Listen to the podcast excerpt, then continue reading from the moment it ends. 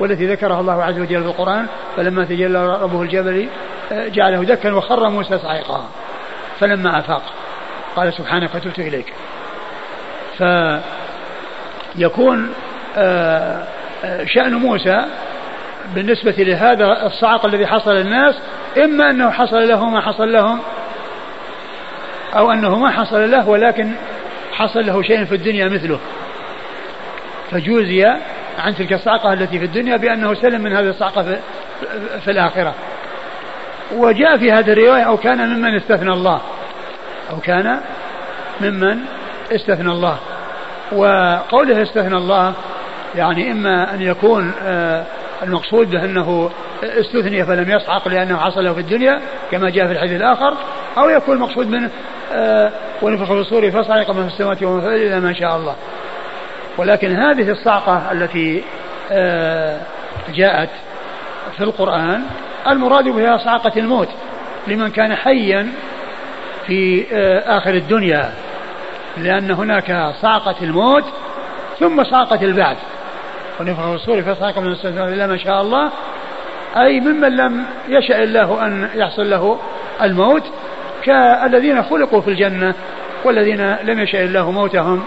كالحور العين التي آه، كانت في الجنة فإنها يعني خلقت للبقاء يعني في في الجنة فلا يحصل لها فيكون الاستثناء حصل لها ولكن الحديث الآخر الذي ورد في الصحيح هو باللفظ الذي أشرت إليه فيحتمل أن يكون المقصود بقوله استثنى الله أنه استثناه من الصعق لأنه حصل له صعق في الدنيا عندما تجلى الله عز وجل للجبل.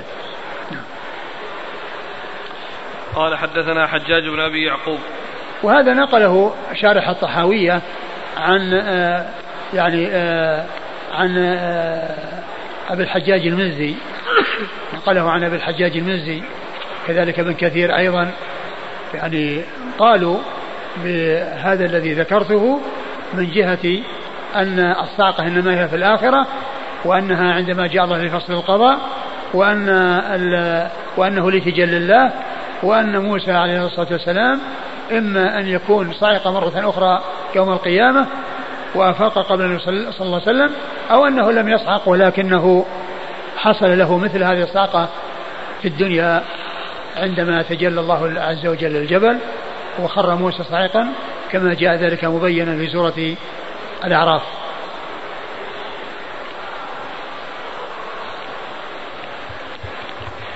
قال حدثنا حجاج بن أبي يعقوب حجاج بن أبي يعقوب وهو ثقة أخرجه مسلم وأبو داود ثقة أخرجه مسلم وأبو داود ومحمد بن يحيى بن فارس ومحمد بن يحيى بن, يحيى بن فارس الذهلي ثقة أخرج له البخاري وأصحاب السنن عن يعقوب عن يعقوب بن إبراهيم بن سعد وهو ثقة أخرجه أصحاب كتب الستة. عن أبيه.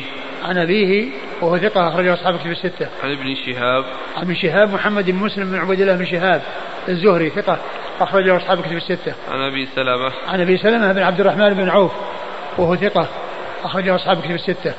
وعبد الرحمن وعبد الرحمن بن هرمز الأعرج وهو ثقة أخرجه أصحاب كتب الستة. عن أبي هريرة عبد الرحمن بن صخر الدوسي رضي الله عنه صاحب رسول الله صلى الله عليه وسلم وحديثه وهو أحد السبعة المعروفين بكثرة الحديث عن النبي عليه الصلاة والسلام بل هو أكثرهم حديثا قال رجل من اليهود والذي اصطفى موسى فرفع المسلم يده فلطم وجه اليهودي فذهب اليهودي إلى رسول الله صلى الله عليه وسلم فأخبره.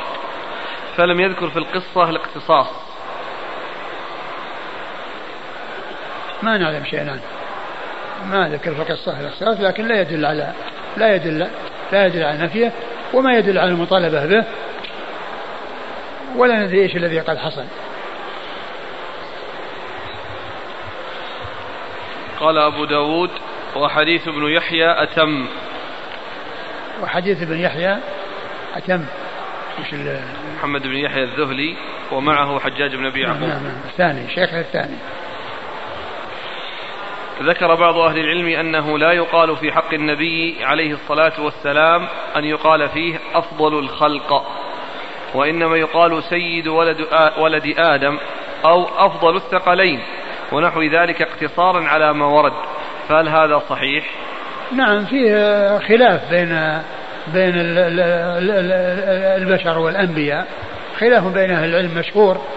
يعني يعني التفضيل بين الملائكة والبشر. وذكر ذلك شارح الطحوية. وذكر أدلة هؤلاء وأدلة هؤلاء وجواب هؤلاء عن هؤلاء. وانتهى إلى الوقت. وأنه لا يجزم بشيء لأنه ما جاء دليل يدل آه على ذلك. ولكن المشهور عند أهل السنة تفضيل الأنبياء وصالح البشر. نعم.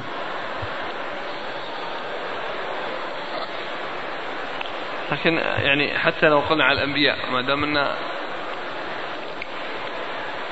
لا تفضيل الأنبياء وصالح البشر يعني على على على غيرهم على غيرهم حتى الملائكة. المسألة مفروضة بين الملائكة وبين البشر. لكن بالنسبة للنبي صلى الله عليه وسلم. هو الكلام على الذين قالوا بأن المفاضلة بين الملائكة يعني وبين وبين البشر آه، آه، الرسول صلى الله عليه وسلم من البشر. الرسول صلى الله عليه وسلم من البشر. يعني حتى إذا قال قال أفضل الخلق يعني فضله على على الملائكة. والله يعني آه، الخلق كما هو معلوم الملائكة وغير الملائكة. الملائكة وغير الملائكة. يعني لكن المسألة كما قلت خلافية فيما يتعلق بنسبة الملائكة. وأما كونها أفضل البشر وأفضل الثقلين هذا هذا ما فيه إشكال.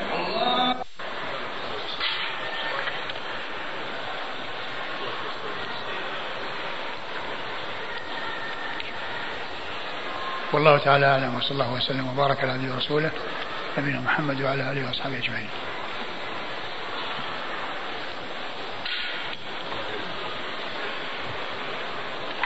جزاكم الله خيرا وبارك الله فيكم ونفعنا الله بما قلتم. يقول الأخ فائدة ذكر الشيخ ناصر رحمه الله في أشرطة شرح الأدب المفرد في مسألة تفضيل الملائكة أو البشر على سبيل الجنس. قال إن الملائكة أفضل. واستدل على ذلك بحديث صحيح رجه الطبراني أن الله عز وجل يقول للملائكة اذهبوا أو اذهب فسلم على عبادي هؤلاء. فيقولون أنذهب إليهم ونحن خيرة ونحن خيرة خلقك إلى آخره. فقال الشيخ هذا نص على أنهم خيرة الخلق. ولم يأتي في الحديث أن الله عز وجل أنكر عليهم هذا وين هو بالحديث؟ ها؟ فين الحديث؟ طبراني وين ذكر الشيخ؟ في يقول أحد أشرطته في شرح الأدب المفرد وهو في الطبراني؟ إيه يقول أخرجه الطبراني على كل يتحقق منها من الحديث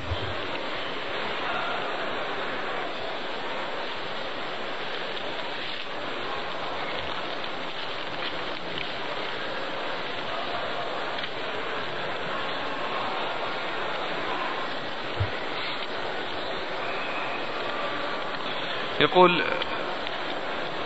يوجد أخ يجد في قلبه وسوسة تجاه التوحيد فيود منكم النصيحة.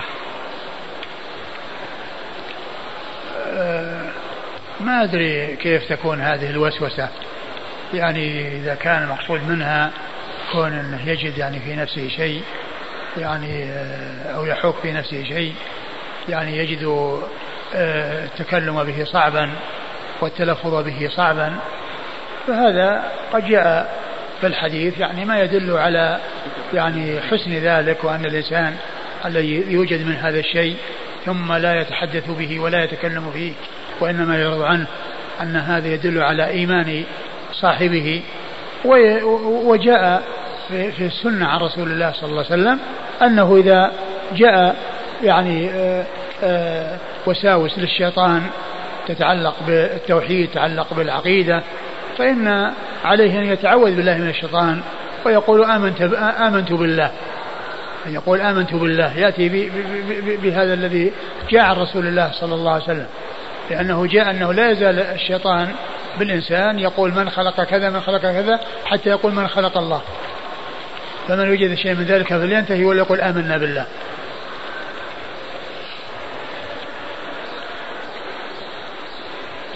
يقول ما حكم تصدير الاسم بكلمة السيد للدلالة على أن الشخص ينتسب إلى النبي صلى الله عليه وسلم؟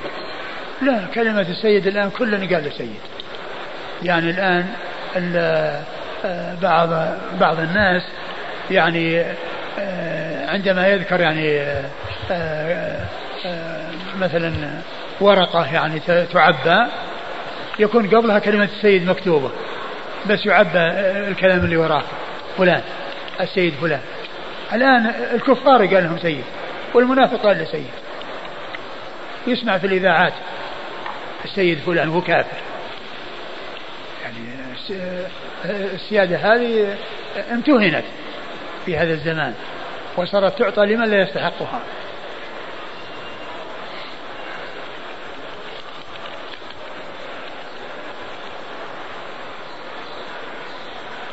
الأخ والسؤدد يعني أقول والسؤدد الآن صار بالمجان كما يقول الشاعر لولا المشقة ساد الناس كلهم. لولا المشقة ساد الناس كلهم. السؤدد لا يحصل إلا بالمشقة ولا كل وليس كل يصبر على المشقة. ولكن يعني لولا المشقة كل يصير سيد. ما دام السيادة بالمجان ما يبقى أحد هو سيد.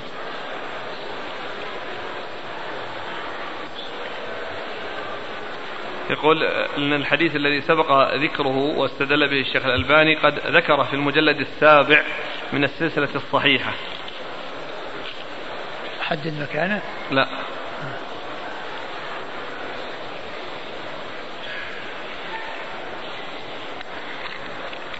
يقول عندنا عادة منتشرة وهي أن من له حاجة معينة فإنه يستدعي بعض أهل العلم أو طلبة العلم ليقرأوا له القرآن فيدعو له لقضاء حاجته. فيتوزع هؤلاء القرآن بينهم أجزاء أو أحزابا فيقرؤونه كل واحد يقرأ ما أعطي. ثم يختم القرآن كاملا فيدعون الله له عقب ذلك وأحيانا يذبحون تقربا إلى الله.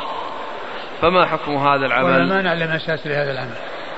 أقول لا نعلم أساسا لهذا العمل. الإنسان إذا كان له حاجة يسأل الله حاجته ويدعو الله عز وجل والله تعالى يجيب من دعاه وأما كونه يجمع ناس يقرؤون القرآن كل واحد يسأل مقدار معين ثم بعد ذلك يحصل دعاء ما نعلم لهذا أساس. هل يجوز أن يقال لمن ظاهره الفسق سيد؟ لا ما يقال.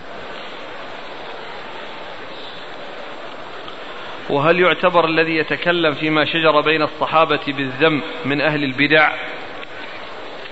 لا شك أن من من يذم الصحابة ومن يعيب الصحابة يعني أنه آه، من أهل البدع أو عنده بدعة. يعني إن كان من آه، من أعداء آه، أهل السنة والجماعة ومن المنحرفين عن السنة والجماعة كالروافض وغيرهم لا شك أنهم من أهل البدع. وأما إذا كان حصل من بعض أهل السنة يعني شيء من الخطأ وغلط يعني في آه، أمر من الأمور أو خفي عليه الأمر ولم آه، يعني آه، يعلم أو لم ينبه فلم يتنبه فمثل هذا لا يقال فيه ما يقال في حق المبتدعين الذين هم في واد وأهل السنة في واد آخر. ما الجمع بين نهي النبي صلى الله عليه وسلم لأصحابه عن دعوته بالسيد وقوله في حديث الباب إن ابني هذا سيد؟ الرسول صلى الله عليه وسلم ما نهاهم يعني آه نهيا مطلقا وإنما قال قولوا بقولكم وبعض قولكم. يعني معناه أنكم لا آه يستهوينكم الشيطان فتزيدوا أو يعني يحصل منكم يعني أراد منهم ألا أن يكفوا عن عن المبالغة. وإلا فإنه قد أخبر عن نفسه بأنه سيد حيث قال أنا سيد ولد آدم. سيأتي الحديث في هذا الباب. أنا سيد ولد آدم وأول من ينشق عنه القبر وأول شافع وأول مشفع. صلوات الله وسلامه وبركاته عليه. وقال أنا سيد الناس يوم القيامة كما جاء في حديث الشفاعة الطويل. وقال أنا سيد الناس يوم القيامة مع أنه سيدهم في الدنيا والآخرة صلى الله عليه وسلم. لأن ذلك اليوم يظهر سؤدده على الجميع من لدن آدم إلى الذين قامت عليهم الساعة لأنهم يجتمعون في صعيد واحد ويموج بعضهم في بعض ويبحثون عن من يشفع لهم إلى الله ليخلصهم مما هم فيه من شدة الموقف ويذهبون إلى آدم ويعتذر وإلى نوح ويعتذر وإلى إبراهيم ويعتذر وإلى موسى ويعتذر وإلى عيسى ويعتذر ثم يأتون إلى نبينا محمد عليه الصلاة والسلام فيقولان لها ثم يتقدم ويشفع ويشفعه الله عز وجل و وهذه الشفاعة يقال لها المقام المحمود. سميت مقاما محمودا لأنه يحمده عليه الأولون والآخرون وظهر سؤدده على الأولين والآخرين. وهذا هو معنى قوله صلى الله عليه وسلم أنا سيد الناس يوم القيامة مع أنه سيده في الدنيا والآخرة عليه الصلاة والسلام. وقد جاء في الحديث الذي سيأتي حديث أبي هريرة وهو في صحيح مسلم أنا سيد ولد آدم.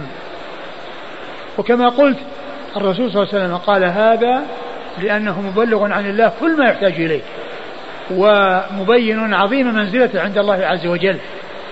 وكما قلت آنفا لأن النبي صلى الله عليه وسلم ليس أحد بعده ليس هناك نبي بعده حتى يبين منزلته عند الله. لأن شريعته هي آخر الشرائع وهي كاملة وقد بين ما يتعلق به صلى الله عليه وسلم مما يعتقد في حقه عليه الصلاة والسلام كما في آه هذه الأحاديث نعم. يقول ما قولكم في قول النبي صلى الله عليه وسلم عن عمار أنه تقتله الفئة الباغية نعم الرسول جاء عنه هذا الحديث ولكن آه، آه، أولئك الذين يعني حصل منهم المقابلة لعلي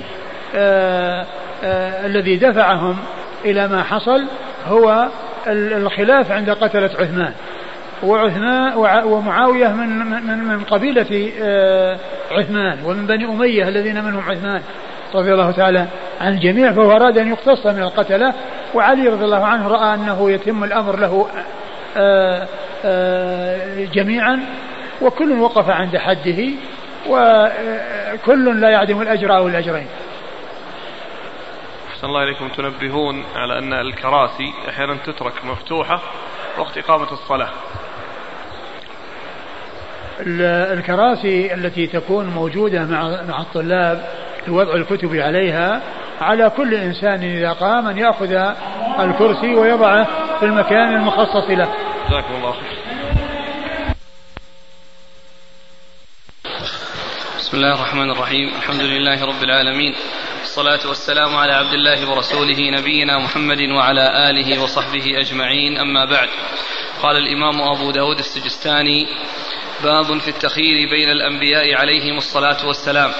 وذكر أحاديث منها. قال حدثنا زياد بن أيوب قال حدثنا عبد الله بن إدريس عن مختار بن فلفل يذكر عن أنس رضي الله عنه أنه قال قال رجل لرسول الله صلى الله عليه وعلى آله وسلم يا خير البرية. فقال رسول الله صلى الله عليه وعلى آله وسلم ذاك إبراهيم.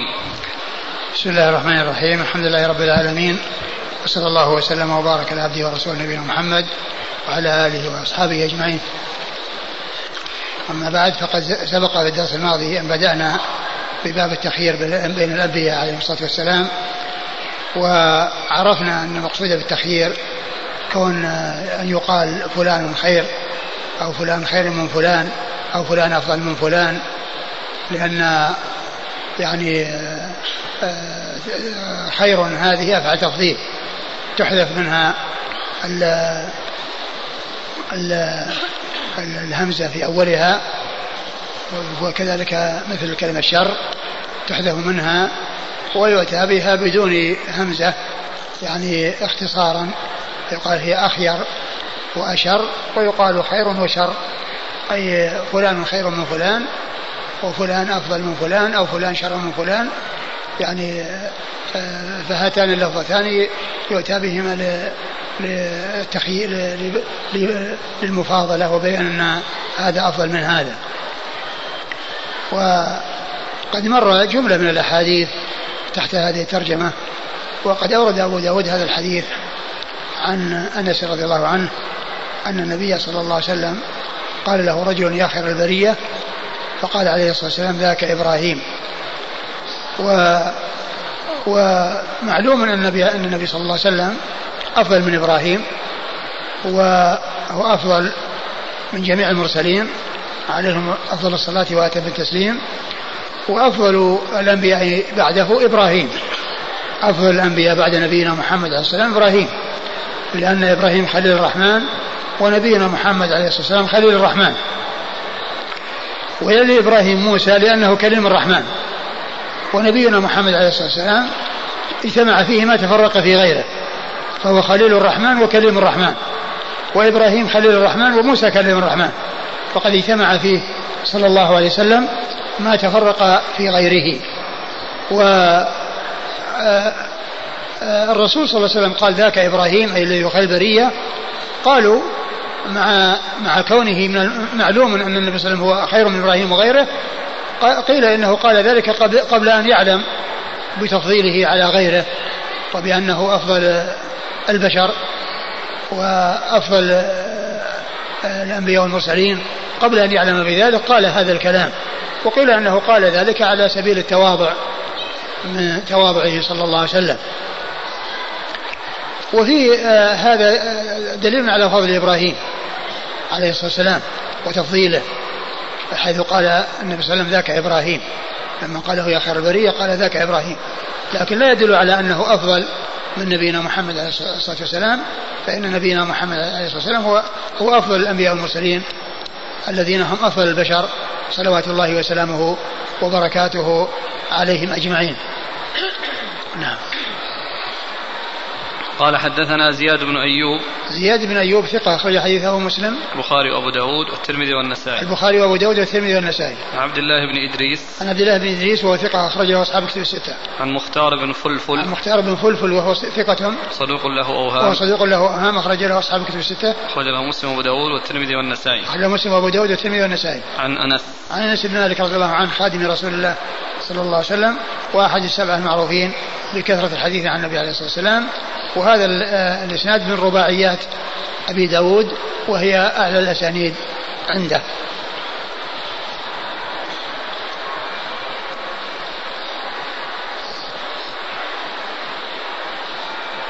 قال حدثنا عمرو بن عثمان قال حدثنا الوليد عن الأوزاعي عن أبي عمار عن عبد الله بن فروخ عن أبي هريرة رضي الله عنه أنه قال قال رسول الله صلى الله عليه وآله وسلم أنا سيد ولد آدم وأول من تنشق عنه الأرض وأول شافع وأول مشفع.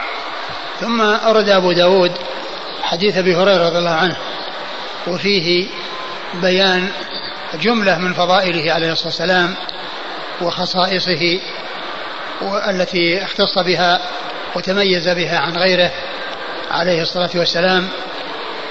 وأولها قوله صلى الله عليه وسلم أنا سيد ولد آدم. أنا سيد ولد آدم. وهذا دال يدل على فضله على جميع البشر عليه الصلاة والسلام. وأنه سيدهم وأنه أفضلهم. وقد جاء في بعض الأحاديث هذا الحديث جاء في صحيح مسلم. ولكن فيه أنا سيد ولد آدم يوم القيامة. وجاء في حديث الشفاعة أنا سيد الناس يوم القيامة. أنا سيد الناس يوم القيامة ثم ذكر حديث الشفاعة. وهو صلى الله عليه وسلم سيد البشر في الدنيا والآخرة. ولكنه جاء في بعض الأحاديث النص على يوم القيامة لأن ذلك اليوم هو الذي يظهر فيه سؤدده على على على البشر من اولهم إلى اخرهم من لدن آدم إلى الذين قامت عليهم الساعة. وذلك أنهم يكونون في الموقف يموج في بعضهم في بعض ويبحثون عن من يشفع لهم إلى ربهم فيأتون إلى آدم فيعتذر وإلى نوح ويعتذر وإلى إبراهيم ويعتذر وإلى موسى ويعتذر وإلى عيسى ويعتذر ثم يأتون إلى نبينا محمد عليه الصلاة والسلام فيتقدم ويتقدم للشفاعة ويشفعه الله عز وجل ويقول أنا لها فيشفعه الله عز وجل ويأتي لفصل القضاء وهذه الشفاعة العظمى وهي المقام المحمود الذي يحمده عليه الأولون والآخرون. فظهر سؤدده على الجميع لأن شفاعته حصلت للجميع واستفاد منها الجميع وكل اعتذر حتى وصلت إليه صلى الله عليه وسلم واستعد لها وتقدم للشفاعة وشفعه الله عز وجل وحصل آه، أثر هذه الشفاعة وفائدة هذه الشفاعة لكل أهل الموقف من لدن آدم إلى الذين إلى الذين قامت عليهم الساعة. وقيل قيل لها المقام المحمود لأنه يحمده عليها الأولون والآخرون.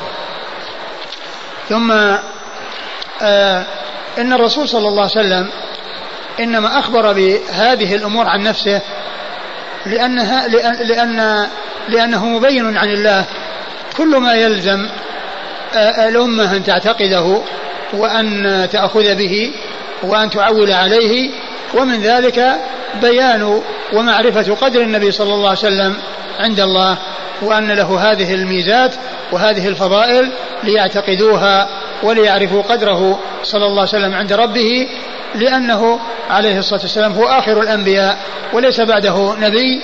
وبخلاف الأنبياء السابقين فإن آه، فإنه قد جاء بعدهم من الأنبياء من بين فضائلهم وبين يعني آه، ما تميز به كل واحد منهم كما حصل من نبينا محمد عليه الصلاة والسلام. فإنه بين فضائل المرسلين وبين ما اختص به يعني بعضهم. فأما نبينا عليه الصلاة والسلام فليس بعده نبي وليس بعده وحي. يأتي من السماء فيه تشريع وفيه بيان لأمر يحتاج إليه الناس فالشريعة كاملة وتمت وكملت وانتقل النبي صلى الله عليه وسلم بعد أن بلغ البلاغ المبين وأدى للناس كل ما هم بحاجة إليه ولم يتركهم بحاجة إلى شيء فلا تحتاج هذه الشريعة إلى تكميل ولا إلى إضافات ولا إلى بدع ومحدثات و بل هي كاملة. والنبي صلى الله عليه وسلم بين ما يتعلق بشخصه الكريم عليه الصلاة والسلام ومنزلته عند الله حتى يعتقد الناس ذلك وحتى يعرف الناس ذلك وحتى يكون الناس على علم بذلك لأن لأنه هو المبلغ عن الله كل شيء وليس بعده من يبلغ عن الله سبحانه وتعالى. ولهذا بين ما يتعلق به صلوات الله وسلامه وبركاته عليه. وفي هذا دليل على أنه يقال للمخلوق سيد وهو من يستحق السيادة ولا تقال لكل أحد. بل قد جاء النهي عن إطلاقها على من لا يستحقها مثل المنافقين فإنه لا يقال للمنافق سيد ولا يقال للكافر سيد ولا يقال لمن لم يستحق السيادة أنه سيد. بل الرسول بل جاء في السنة ما يدل على إطلاق السيادة كما جاء في هذا الحديث آه، إطلاقها عليه وأنه سيد ولد آدم وجاء أيضا إطلاقها على بعض الصحابة كما قال النبي صلى الله عليه وسلم في حق سعد بن معاذ آه، قوموا إلى سيدكم قوموا إلى سيدكم. فإطلاق ذلك على المخلوق سائر وقد جاء ما يدل على أن السيد الله عز وجل وهو من أسمائه سبحانه وتعالى. ويجمع بين هذا وهذا بأن السؤدد الكامل الذي لا يماثله شيء هو المضاف إلى الله عز وجل وأن المخلوق يضاف إليه السؤدد الذي يناسبه يضاف إليه السؤدد الذي يناسبه ولكن لا يغلى فيه ولا يتجاوز الحد يعني في ذلك وإنما يثبت ما ثبت فما يضاف إلى الله عز وجل يليق به وما يضاف إلى المخلوقين من السيادة يليق آه، يليق بهم. أنا سيد ولد آدم. ثم قال وأول من ينشق عنه القبر وأول من ينشق عنه القبر أي أول من يبعث. أول من يبعث الرسول صلى الله عليه وسلم من قبره. فقبره صلى الله عليه وسلم أول القبور انشقاقا عن صاحبه. لأن لأنه عندما ينفخ في الصور النفخة الثانية التي هي نفخة البعث ويكون بعدها البعث يخرج الناس من قبورهم. وتنشق القبور عن, عن القبور عن أهلها وأول القبور انشقاقا عن صاحبه قبر نبينا محمد عليه الصلاة والسلام فهو أول من ينشق عنه القبر. أول من ينشق عنه القبر صلوات الله وسلامه وبركاته عليه. وهذه من خصائصه ومن ميزاته عليه الصلاة والسلام. ثم قال وأول شافع وأول مشفع. هو أول من يتقدم للشفاعة. وهو أول من آه تجاب شفاعته وتحقق شفاعته. وقد جمع بينهما في الحديث لبيان أن الأولية حاصلة له في الحالتين في كونه أول من يتقدم وأول من يشفع. وذلك أنه قد يحصل التقدم للشفاعة بأن يتقدم شخص ويتقدم شخص ثم قد يشفع الثاني قبل الأول. لكن جاء في هذا الحديث ما ما يدل على أن النبي صلى الله عليه وسلم اجتمعت فيه الأوليتان الأولية المتعلقة بالتقدم للشفاعة والأولية المتعلقة بتحقيق الشفاعة وبقبول الشفاعة وتحقيقها وحصولها. فهذه من خصائصه عليه الصلاة والسلام وميزاته. وما جاء في هذا الحديث من قوله أول من ينشق القبر هذا يدلنا على أن المقبورين هم باقون في قبورهم. من قبر فهو باق في قبره. وبالنسبة للرسل والأنبياء عليهم الصلاة والسلام هم باقون في قبورهم آه على هيئتهم التي وضعوا فيها. لا لا تأكلهم الأرض. ولا تغير الأرض شيئا فيهم بل هم باقون كما كانوا لما وضعوا في قبورهم عليهم الصلاة والسلام. لأن الله تعالى حرم على الأرض أن تأكل أجساد الأنبياء وهم يخرجون منها عند البعث ولا يخرجون قبل البعث. لا يقال ان إن جسد الرسول صلى الله عليه وسلم أو غيره يخرج من قبره ويبقى القبر ليس فيه جسد بل كل ميت فهو في قبره. إن كان نبيا فإنه باق على هيئته وإن كان غير نبي فقد يكون من الناس من يبقى على هيئته ومنهم من تأكله الأرض. كما قال الله عز وجل قد علمنا ما تنقص الأرض منهم. يعني فنحن نعيده نعيده من التراب ونعيد الذرات من التراب عند البعث. والأجساد التي أكلتها الأرض هي التي ترجع ذراتها حتى يتكون منها الإنسان الذي قبر. ولا يبعث جسد جديد غير الجسد الذي دفن بل الذي دفن هو الذي يبعث. وإذا كانت أكلت في الأرض فإن الله تعالى يعلم ما أخذت في الأرض فيعيده. وترجع كل ذرة من ذرات جسده إلى مكانها ثم آه، آه، يبعثه الله عز وجل يبعث الله ذلك الجسد الذي كان في الدنيا وقبر يعود. ولا يبعث جسد جسد آخر. فلا يخرج أحد من قبره قبل قبل البعث. وأصحاب القبور باقون في قبورهم لا يخرجون منها. وأما عند بعض الدجالين من غلاة الصوفية الذين يقولون أن الرسول صلى الله عليه وسلم يخرج من قبره ويصافح من يصافح يقظة لا مناما فهذا من الدجل. وهذا مخالف ما جاء في الكتاب والسنة. مخالف لما جاء في السنة في هذا الحديث لأنه قال أول من يبعث يعني ما أول من يخرج من القبر ومخالف للقرآن في قوله ثم إنكم يوم القيامة تبعثون. والناس لا يبعثون قبل يوم القيامة ولا يخرجون من قبورهم قبل يوم القيامة وإنما يخرجون من قبورهم إذا جاء البعث والنشور. ثم إنكم يوم القيامة تبعثون. ما يبعث الناس في الدنيا وهؤلاء يقولون الرسول صلى الله عليه وسلم ظهر من قبره طلع من قبره ومد يده لبعض لبعض من تزعم فيه الولاية. هذا من الدجل. وهذا من الكذب وهذا مخالف لما جاء في الكتاب والسنة مخالف لما جاء في كتاب الله وفي سنة رسول الله صلوات الله وسلامه وبركاته عليه.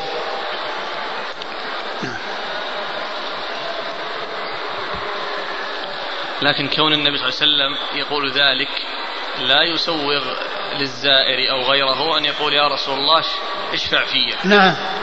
كون كون الرسول صلى الله عليه وسلم حي في قبره حياة برزخية. لا يعني ذلك أنه يخاطب ويطلب منه شيء وإنما يسلم عليه ويدعى له فقط. يدعى له ولا يدعى. يدعى له ولا يدعى. الله تعالى هو الذي يدعى. ورسول الله صلى الله عليه وسلم يدعى له ولا يدعى. والخلق يدعى لهم ولا يدعون. يدعى لهم ولا يدعون. والله تعالى هو الذي يدعى. ورسول الله صلى الله عليه وسلم لا يطلب منه شيء فلا يقول الإنسان يا رسول الله الشفاعة يا رسول الله أريد كذا يا رسول الله حقق لي كذا بل الشفاعة يطلبها من الله. فيقول اللهم شفع في نبيك اللهم اجعلني من الفائزين بشفاعته اللهم اجعلني من من, من, من, من أكرمته بشفاعة نبيك محمد عليه الصلاة والسلام. فيطلبها من الله ولا يطلبها من غيره. لا يطلبها من, من غير الله سبحانه وتعالى. والدعاء عبادة والدعاء إنما يكون لله سبحانه وتعالى. فلا يطلب من النبي صلى الله عليه وسلم في قبره شيء. ومما يدل على أن النبي صلى الله عليه وسلم لا يطلب منه شيء في قبره أن الصحابة رضي الله عنهم وأرضاهم كانوا في زمنه عليه الصلاة والسلام عندما يحصل جدب أو قحط يأتون إليه ويطلبون منه الدعاء. فيدعو ويغيثهم الله عز وجل. ولما توفي رسول الله صلى الله عليه وسلم ما ذهبوا إلى قبره وطلبوا منه الدعاء بأن يغيثهم الله؟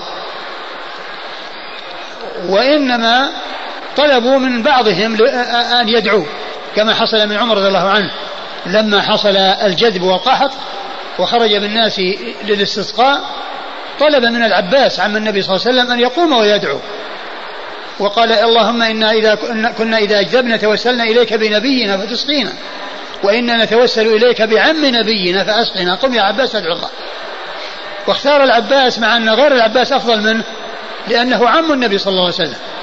لأنه عمه وهو أقرب الناس إليه.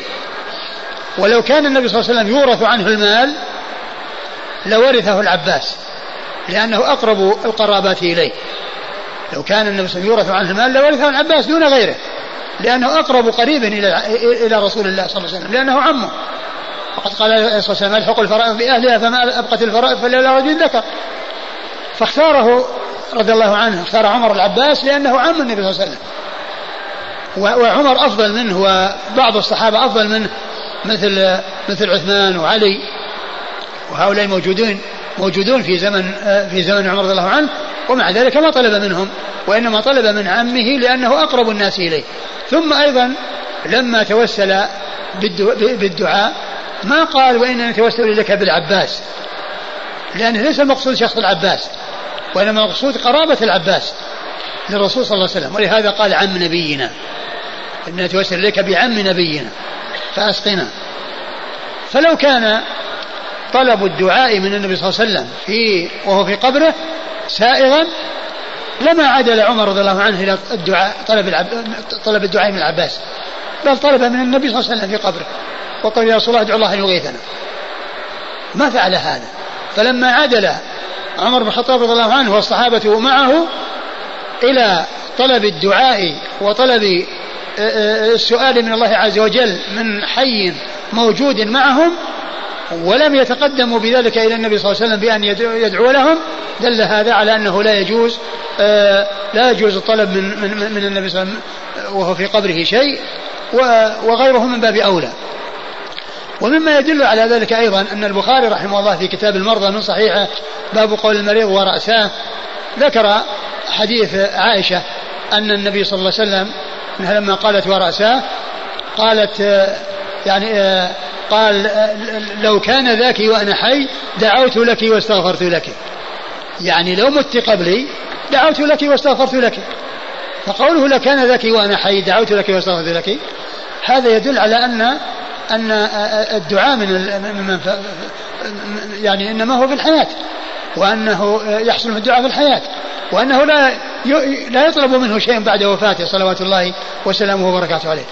ولو كان لا فرق بين أن يسبقها بالموت أو تسبقه وأنه يدعو لها سواء كان مات قبلها أو ماتت قبله لما قال لو كان ذاك وأنا حي دعوت لك واستغفرت لك. لأن لأن الأمر سيان يصير لو كان الأمر بخلاف هذا. يعني سواء مات قبلها أو ماتت قبله يعني يدعو لها وهو في قبره لو كان الأمر يعني آآ آه، آآ آه، أنه لا فرق. لكن لما قال صلى الله عليه وسلم لو كان ذاك وأنا حي دعوت لك واستغفرت لك دل على أن هذا إنما يكون في الحياة وأنه إنما يطلب منه في حياته صلى الله عليه وسلم ولا يطلب منه وهو في قبره شيء. ولهذا فإنما ابتلي به بعض الناس من الجهل المطبق وأنهم يأتون يعني إلى قبر النبي صلى الله عليه وسلم ويخاطبونه ويقول يا رسول الله أريد كذا يا رسول الله حقق لي كذا يا رسول الله آه، مدد يا رسول الله حقق لي كذا. كل هذا هذا هذا من الشرك بالله سبحانه وتعالى. هذا شرك بالله وطلب يعني من النبي شيء لا يطلب إلا من الله سبحانه وتعالى. لا يطلب من النبي صلى الله عليه وسلم مثل هذه الأمور وإنما تطلب من الله سبحانه وتعالى. نعم. قال حدثنا عمرو بن عثمان. عمرو بن عثمان هو الحمصي وهو صدوق حديث أبو داود والنسائي وابن ماجه. والنسائي وابن ماجه. عن الوليد. عن الوليد بن مسلم وهو ثقة أخرجه أصحاب الكتب الستة. عن عن الأوزاعي الأوزاعي وهو عبد الرحمن بن عمرو الأوزاعي فقيه الشام ومحدثها. ثقة أخرج حديثه أصحاب الكتب الستة. عن أبي عمار. عن أبي عمار وهو شداد بن عبد الله ثقة وهو شداد بن عبد الله ثقة أخرج له. البخاري المفرد ومسلم وأصحاب السنة. البخاري في الأدب المفرد ومسلم وأصحاب السنن عن عبد الله بن فروخ عن عبد الله بن فروخ وهو ثقة. أخرج له مسلم وأبو داود. أخرجه مسلم وأبو داود. عن أبي هريرة. عن أبي هريرة عبد الرحمن بن صخر الدوسي رضي الله عنه صاحب رسول الله صلى الله عليه وسلم وأحد السبعة المعروفين بكثرة الحديث عن النبي عليه الصلاة والسلام بل هو أكثر السبعة حديثا. أحسن الله إليك. يستدل البعض في قوله صلى الله عليه وسلم أنا سيد ولد آدم أن يلازم قوله سيدنا كلما ذكر النبي صلى الله عليه وسلم. الصحابة رضي الله عنهم ما كانوا فعلوا ما فع- ما فعلوا ذلك. وهم أشد الناس محبة للرسول صلى الله عليه وسلم من غيرهم وهم أسبق الناس إلى كل خير وأحرص الناس على كل خير. والدليل على هذا هذه الأحاديث التي نقرأها الكتب الستة وغيرها كلها تنتهي إلى الصحابي والصحابي يقول قال رسول الله صلى الله عليه وسلم كذا لو كان لو كانوا يقولون آه، سي سيدنا لنقل ذلك عنهم. لأننا قد عرفنا أن أن أن آه، آه، أبا داود وكذلك غيره من المصنفين في الحديث يميزون بين كلمة النبي وكلمة الرسول. فيما إذا قال أحد الرواة قال رسول الله صلى الله عليه وسلم والثاني قال قال النبي صلى الله عليه وسلم. يميزون بين هذه وهذه يقولون فلان قال, قال النبي وفلان قال قال رسول الله مع النتيجة واحدة. مع النتيجة واحدة النبي هو الرسول والرسول هو النبي. والمقصود بذلك شخص واحد لكن كل هذا محافظة على اللفظ. فالذين يحافظون على كلمة الفرق بين النبي والرسول بأن يكون الحديث جاء عن عن تلميذين. عن شيخين مثل من شيوخ أبي داود مثلا. ولكن إسناد واحد منهم ينتهي إلى النبي صلى الله عليه وسلم ويقول فيه قال النبي صلى الله عليه وسلم. والثاني ينتهي الإسناد إليه فيقول قال رسول الله صلى الله عليه وسلم. فيذكر أبو داود الفرق بين لفظ هذا ولفظ هذا وأن هذا قال كذا وهذا قال كذا. لو كان لو كانت كلمة سيدنا موجودة لحافظوا عليها ولا أبقوها وما ولا يتركوها لم يتركوها. فدل هذا على أن آه الالتزام وأن ملازمة يعني ذلك آه أن هذا ليس من طريقة السلف وليس من طريقة الصحابة. نعم هو سيدنا صلى الله عليه وسلم ولكن كونه لا يقال آه لا يأتي ذكره إلا ويؤتى بهذا لم يكن الصحابة على هذا وهذه الكتب موجودة بين أيدينا. آلاف الأحاديث كلها قال قال رسول الله صلى الله عليه وسلم كذا. ذكر نقل صاحب العون عن النووي رحمه الله أنه قال في الحديث دليل لتفضيله صلى الله عليه وسلم على الخلق كلهم لأن مذهب أهل السنة أن الآدميين أفضل من الملائكة وهو صلى الله عليه وسلم أفضل من الآدميين وغيرهم. كما كما ذكرت في الدرس الماضي هذه مسألة خلافية هل البشر أفضل من الملائكة أو الملائكة افضل من البشر. وقلت إن شارح الطحاوية ذكر هذه المسألة وذكر أدلة هؤلاء وأدلة هؤلاء وجواب هؤلاء عن أدلة هؤلاء وجواب عن هؤلاء عن أدلة هؤلاء وانتهى إلى الوقف. وانتهى إلى الوقف وعدم الجزم. ونعم مشهور عند أهل السنة أن أن صالح البشر مفضلون على على الملائكة. مفضلون على هذا قول مشهور والمسألة خلافية. من أهل السنة؟ من أهل السنة من يقول بخلاف هذا القول.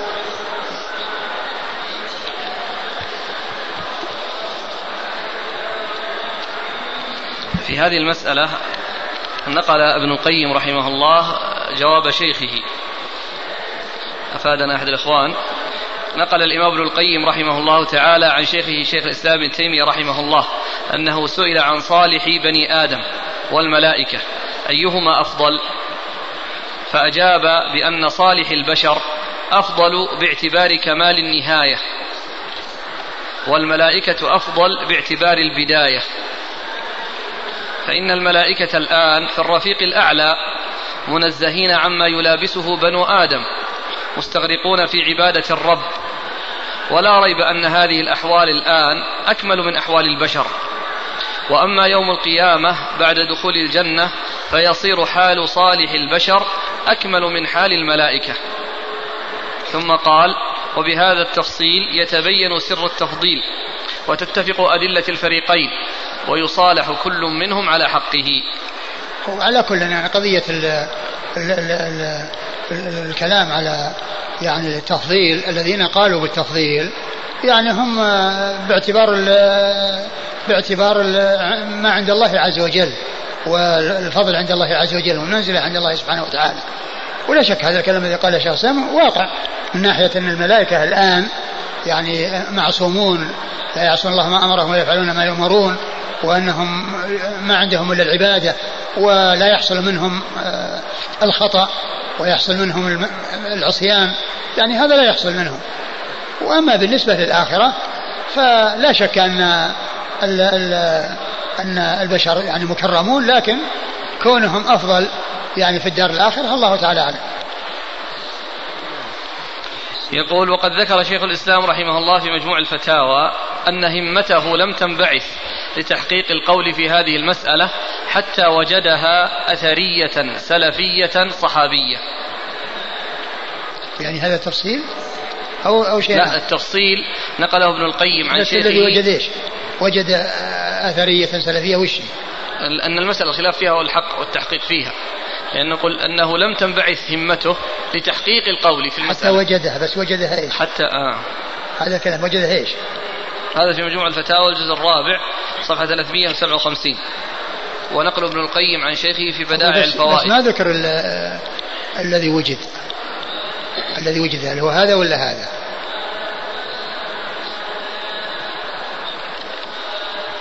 أقول الذي نقل ما أدري هل هو يعني ما, ما استوعب أو أنه يعني يعني أتى بالأول وما أتى بالباقي. إلا كان يقصد هذا الكلام هذا الذي فصل. بس ذاك في كتاب وهذا في كتاب ما أدري يعني. ما أدري. الحديث أمس اللي طلبتم رقمه ذكرنا الشيخ الألباني استدل بحديث عند الطبراني. في 3344 في المجلد السابع من الصحيحة يعني اللي فيه الملائكة. أي. أفضل؟ اللي ونحن خيرة خلقك. أي نعم. جابوا الشيخ عبد الرحمن عمير 3344 اي المجلد السابع. جاء عدد من الأسئلة في قول وأول من تنشق عنه الأرض. والنبي صلى الله عليه وسلم قد صلى بالأنبياء ورآهم في ليلة الإسراء والمعراج. نعم هذا هذا الذي رآه ليست الأجساد. الأجساد ما خرجت من الأرض. وبقيت القبور خالية بدون أحد. بقيت القبور ليس فيها أحد.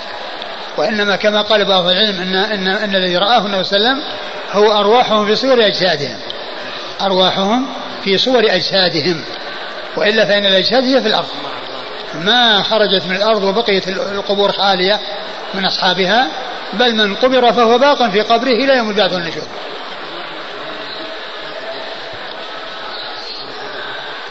إذا صلى صلى بالأرواح. نعم أرواحهم بصور أجسادهم وأما يعني ما القبور القبور يعني باقي مقبور فيها. الإشكال يقول كيف صلى؟ صلى بالأرواح؟ ما نعم. يصلي بالأرواح. لا صلى بالأرواح بصور الأجساد إيه معها أجساد نعم. لكن ليست الأجساد الحقيقية التي في نعم الأجساد الحقيقية في الأرض. نعم. ما خرجت من الأرض. قال حدثنا محمد بن المتوكل العسقلاني ومخلد بن خالد الشعيري المعنى قال حدثنا عبد الرزاق قال أخبرنا معمر عن ابن أبي ذئب عن سعيد بن أبي سعيد عن أبي هريرة رضي الله عنه أنه قال قال رسول الله صلى الله عليه وعلى آله وسلم ما أدري أتبع لعين هو أم لا وما أدري أعزير نبي هو أم لا ثم ورد أبو داود آه هذا الحديث عن عن عن من؟ عن أبي هريرة. عن أبي هريرة رضي الله عنه النبي صلى الله عليه وسلم قال ما أدري أتبع لعين أم لا أو عزير نبي أو لا. وهذا يعني قاله النبي صلى الله عليه وسلم قبل أن يعلم عن حاله. وقد جاء ما يدل على أنه قد أسلم. قد جاء ما يدل على أنه قد أسلم فلا يكون لعينا. فلا يكون لعينا لأنه قد أسلم فلا يقال أنه لعين. وبالنسبة لعزير ما جاء شيء يدل على أنه نبي. ما جاء شيء يدل على أنه نبي. نعم.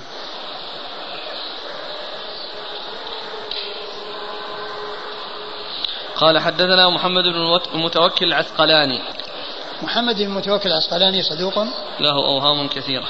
له أوهام كثيرة أخرج حديثه. أبو داود. أبو داود. ومخلد بن خالد الشعيري. ومخلد بن خالد الشعيري هو؟ ثقة أخرجه مسلم وأبو داود. ثقة أخرجه مسلم وأبو داود. المعنى عن عبد الرزاق. عبد الرزاق بن همام الصنعاني اليماني ثقة أخرجه أصحاب كتب الستة. عن معمر عن معمر بن راشد الأزدي البصري ثم اليماني ثقة أخرجه أصحاب كتب الستة. عن ابن أبي ذئب. عن ابن أبي ذئب وهو محمد بن إبراهيم. محمد بن عبد الرحمن. محمد بن عبد الرحمن بن المغيرة ابن أبي ذئب وهو ثقة أخرجه أصحاب كتب الستة. عن سعيد بن أبي سعيد. عن سعيد بن أبي سعيد المقبري وهو ثقة أخرجه أصحاب كتب الستة. عن أبي هريرة. عن أبي هريرة وقد مر ذكره. الآية وقالت اليهود عزير ابن الله. وقالت النصارى المسيح ابن الله. بس يعني ما ما في دلالة. عيسى نبي وهو من أولي العزم من الرسل. وأما عزير ما جاء شيء يدل على أنه نبي.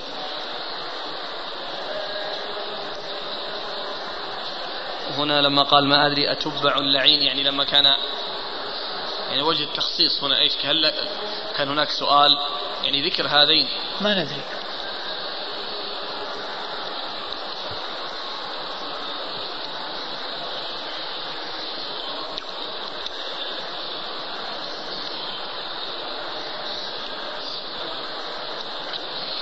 قال حدثنا أحمد بن صالح قال حدثنا ابن وهب قال أخبرني يونس عن ابن شهاب أن أبا سلمة بن عبد الرحمن أخبره أن أبا هريرة رضي الله عنه قال سمعت رسول الله صلى الله عليه وآله وسلم يقول أنا أولى الناس بابن مريم الأنبياء أولاد علات وليس بيني وبينه نبي. ثم ورد أبو داود حديث أبي هريرة رضي الله عنه أن النبي صلى الله عليه وسلم قال أنا أنا أولى الناس بعيسى بن مريم.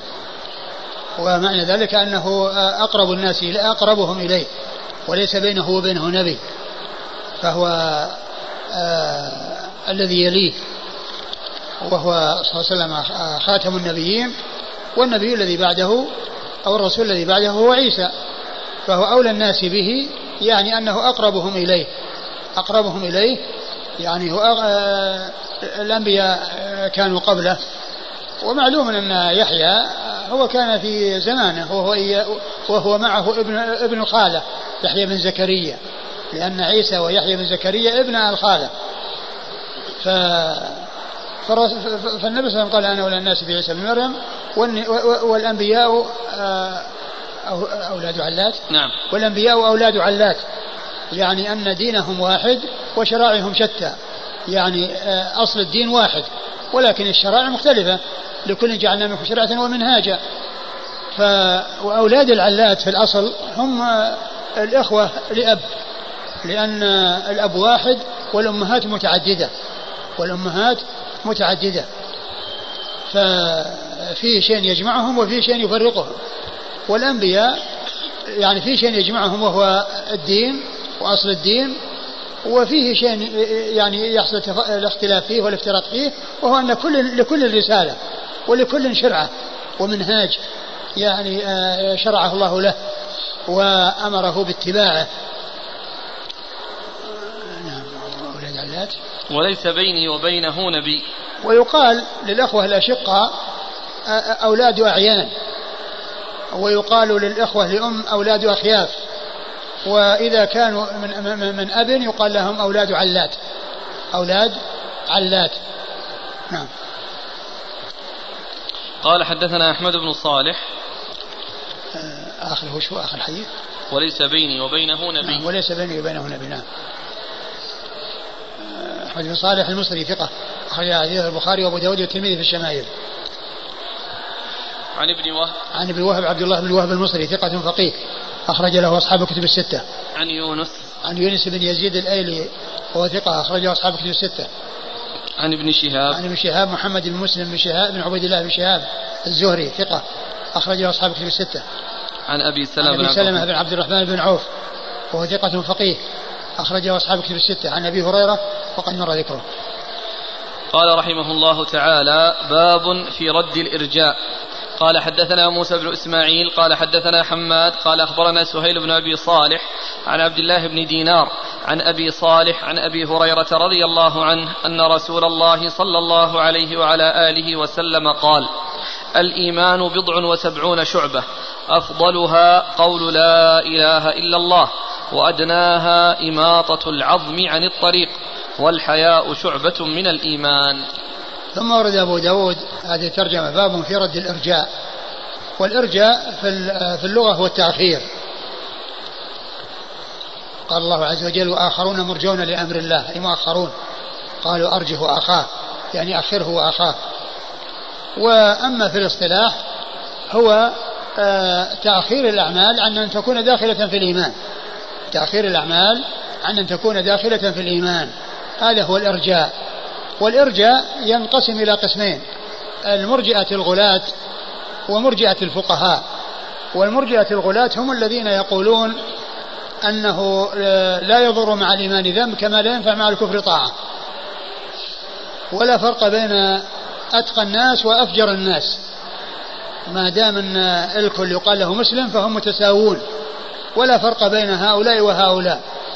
ولا يتفاوت الناس. يعني في الإيمان وأنه لا يضر مع الإيمان ذنب كما لا ينفع مع الكفر طاعة. أي ذنب يحصل الإنسان وهو مسلم لا يضره. وهذا مخالف للنصوص الكثيرة الدالة على أن الذنوب أنها تضر أصحابها وأن أمر صاحبها إلى الله سبحانه وتعالى. كما لا ينفع مع الكفر طاعة لأن الكافر إذا حصل منه طاعة فإنها مردودة. وغير مقبولة قول الله عز وجل وقدمنا إلى ما عملوا من عمل فجعلناه هباء منثورا. وقدمنا إلى ما عملوا من عمل فجعلناه هباء منثورا. فلا يقبل منهم العمل. قالوا فكذلك أولئك لا تضرهم الطاعة. هذا قول المرجئة الغلاة.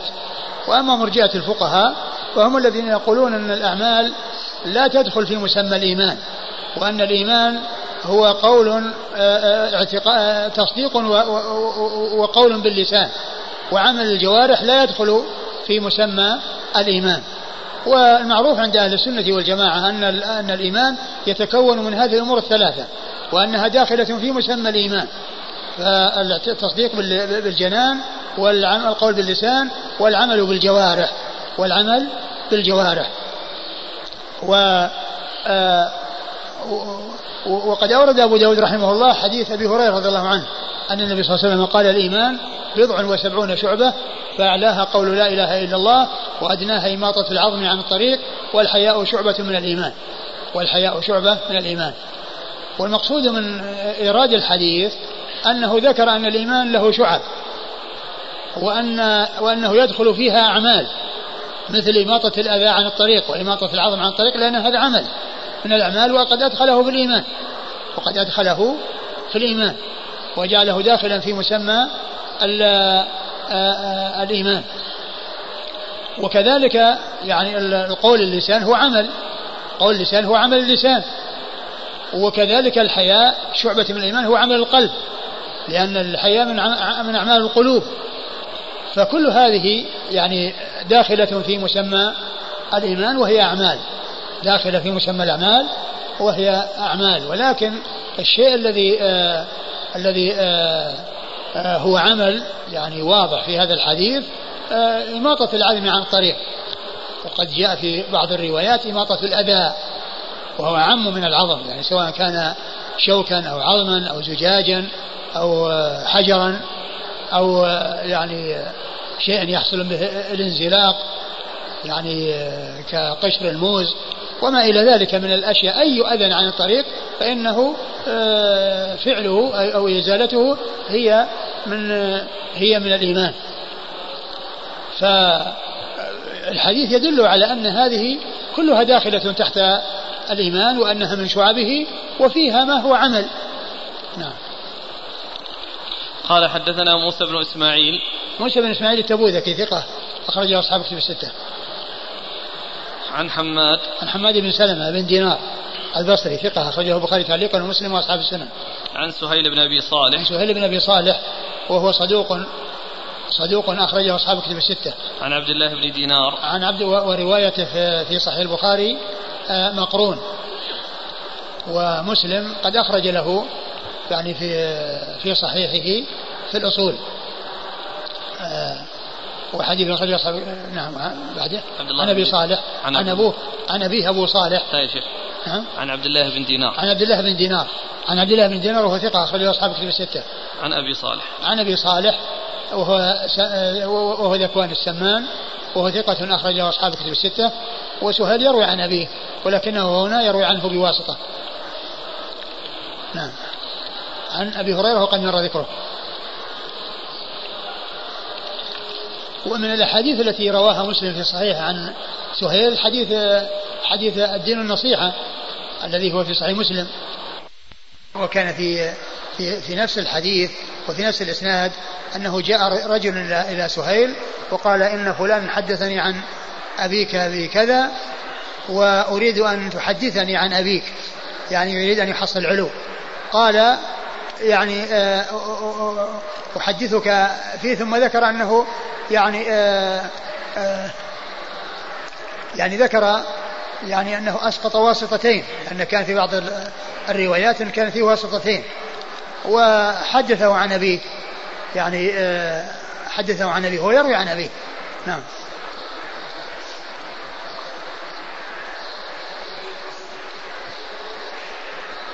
يقول أحسن الله عليك أرجو التوضيح هل خلاف أهل السنة مع مرجئة, مرجئة الفقهاء خلاف لفظي؟ كما يقول الشارح الطحاوي. شارح الطحاوي يقول إنه لفظي وهو نفسه أشار إلى يعني محاذير تتعلق يعني بذلك منها إلى ال- ال- القول المذموم الذي هو قول المرجئة غلاة المرجئة وأيضا وسيلة إلى التساهل يعني في أمر الأعمال. وسيلة إلى التساهل فيها وتهوينها وتهوين شأنها. فنفسه هو مع كونه قال إن أنه خلاف لفظي ذكر يعني شيء من الفروق الدالة على أنه يفضي إلى كذا. وهل مرجئة الفقهاء يخرجون عن دائرة أهل السنة والجماعة؟ لا ما يخرجون. ما يخرجون. هم من أهل السنة والجماعة ولكنهم أخطأوا في هذا. قول القائل إن الإنسان لو قال بلسانه الشهادتين واعتقد بقلبه التوحيد ولم يعمل خيرا طيلة حياته فلم يقم بواجب ولم يترك محرم. هل هذه المقالة مقالة الإرجاء؟ هذه المقالة لا شك أنها سيئة. أقول لك أنها لا شك أنها سيئة. ومعلوم أن أن أن أنه قد جاءت النصوص في أن ترك الصلاة كفر وأن أصحاب رسول الله صلى الله عليه وسلم ما كانوا يعتبرون شيئا من الأعمال تركه كفرا غير الصلاة. فمثل هذا القول يعني يدل على خلاف هذا الذي جاء عن الصحابة وأنه يعتبرونه كفرا. ولا يقال أن المقصود من ذلك الجحود لأن الجحود متفق عليه ومجمع عليه بين المسلمين حتى ما هو دون الصلاة. إذا جحد فإنه يكفر به. ولكن هذا إنما هو في التهاون والكسل. الذي جاء عن الصحابة إنما هو في التهاون والكسل. ولا يقال إنه محمول على الجحود لأن المسلمين مجمعون على أن من أنكر أمرا معلوما من دين الإسلام بالضرورة يعني آه، أو أو نفى يعني شيئا أو آه، قال بشيء أو بحل شيء معلوم من دين الإسلام بالضرورة يعني آه، من باب التروك فإنه يكون بذلك كافرا إذا إذا حصل منه الجحود أو الاستحلال. الجحود أو الاستحلال فإنه يكفر بذلك. فلو جحد الصلاة الزكاة أو الصيام أو الحج أو غير ذلك من الأشياء فإنه يكفر. فإذا قول الصحابة رضي الله عنهم وأرضاهم أو ما جاء عن الصحابة أنهم كانوا لا يرون شيئا من عمل تركه كفرا غير الصلاة هذا يدلنا على أن الإنسان إذا ترك الصلاة فإنه يكفر.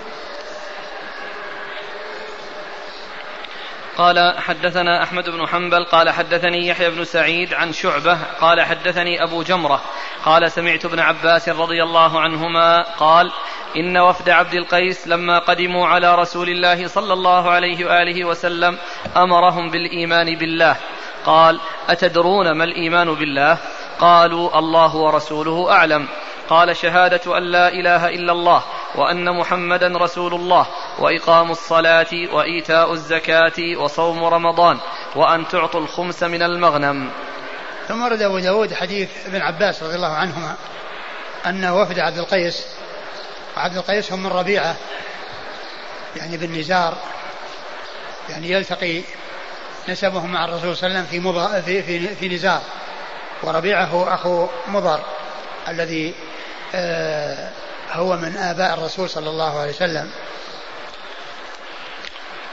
هؤلاء كانوا ممن تقدم إسلامه وممن أسلموا وكانوا في البحرين وكانوا كما جاء في في بعض طرق هذا الحديث كانوا لا يستطيعون أن يأتوا إليه إلا بشهر حرام. قد جاءوا للنبي صلى الله عليه وسلم وقالوا إن بيننا وبينك هذا الحي من كفار مضر ولا نستطيع أن نصل إليك إلا في شهر حرام. فمرنا بأمر نعمل به بأنفسنا ونبلغه من وراءنا. فقال أمركم بالإيمان الحديث. أمركم بالإيمان. ثم قال أتدرون ما الإيمان؟ ففسر له ففسر لهم بالشهادتين وإقام الصلاة نعم. وإيتاء الزكاة وإيتاء الزكاة وصوم رمضان. وصوم رمضان وأن تؤدوا الخمس مما غنمتم. وأن تؤدوا الخمس مما غنمتم. وهذه كلها أعمال. وقد فسر النبي صلى الله عليه وسلم الإيمان بها. فدل على أنها داخلة في مسمى الإيمان. لأن الرسول صلى الله عليه وسلم فسر الإيمان بهذه الأمور. فسر الإيمان بهذه الأمور وهي أعمال. وهي أعمال فدل على أن الأعمال داخلة في مسمى الإيمان. وقد آه، فسرها أو فسر الإيمان بذلك رسول الله صلوات الله وسلامه وبركاته عليه. نعم. قال حدثنا أحمد بن حنبل. أحمد بن حنبل أحمد بن محمد بن حنبل الشيباني الإمام المحدث الفقيه أحد أصحاب المذاهب الأربعة المشهورة من مذاهب السنة وحديثها أخرجها أصحاب كتب الستة. عن يحيى بن سعيد يحيى بن سعيد القطان وهو ثقة أخرجه أصحاب كتب الستة. عن شعبة عن شعبة بن الحجاج الواسطي ثقة أخرجه أصحاب كتب الستة. عن أبي جمرة عن أبي جمرة وهو نصر بن عبد نصر بن عمران الضبعي وهو ثقة أخرجه أصحاب كتب الستة. عن ابن عباس. عن ابن عباس وهو عبد الله بن عباس بن عبد المطلب ابن عم النبي صلى الله عليه وسلم وأحد العبادلة الأربعة من الصحابة وأحد السبعة المعروفين بكثرة الحديث عن النبي صلى الله عليه وسلم. وأبو جمرة هذا يعني آه، مشهور بالرواية عن عن ابن عباس. بل قد جاء في بعض طرق هذا الحديث أن النبي صلى الله عليه وسلم أن ابن عباس قال له ألا أجعل لك شيئا من مالي حتى تبلغ عن عني الناس؟ فكان يأتي ويبلغ يعني يسمع الحديث منه ثم يبلغ للناس. قال الحافظ بن حجر وهذا حجة في اتخاذ المحدث المستملي. اتخاذ اتخاذ المحدث المستملي يعني كونه يعني أحد يساعده وأنه يبلغه يبلغ الناس أو يبلغ صوته للناس إذا كانوا كثيرين ولا يستطيع أن يصل صوته يعني إليهم فإنه في نفس الحديث هذا كما في صحيح البخاري قال لا أجعل لك شيئا من مالي حتى تبلغ عن الناس. فكان يأتي ويجلس معه ويبلغ. ثم أيضا يعني ممن من الذين يرون عن ابن عباس شخص يقال له أبو حمزة القصاب. أبو حمزة القصاب وهو يعني يشتبه يعني من ناحية تقارب الرسم يعني بين أبو حمزة وأبو جمرة. أبو حمزة وأبو جمرة.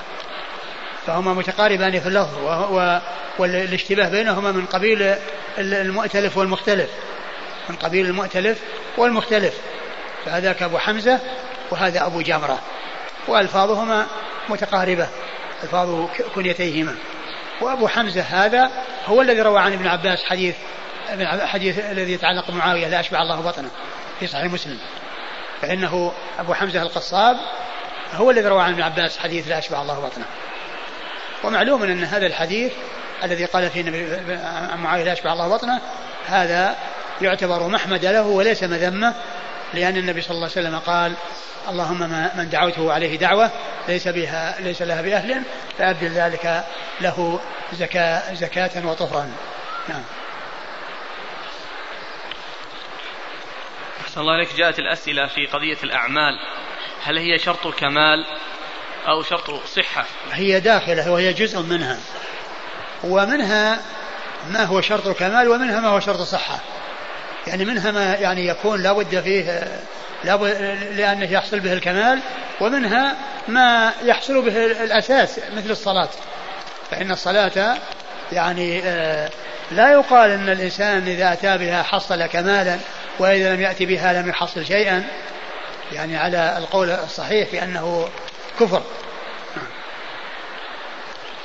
إذا لكن كما هو معلوم فيه يعني شيء يكون فيه كمال مثل النوافل فإن النوافل هذه آه، كمال.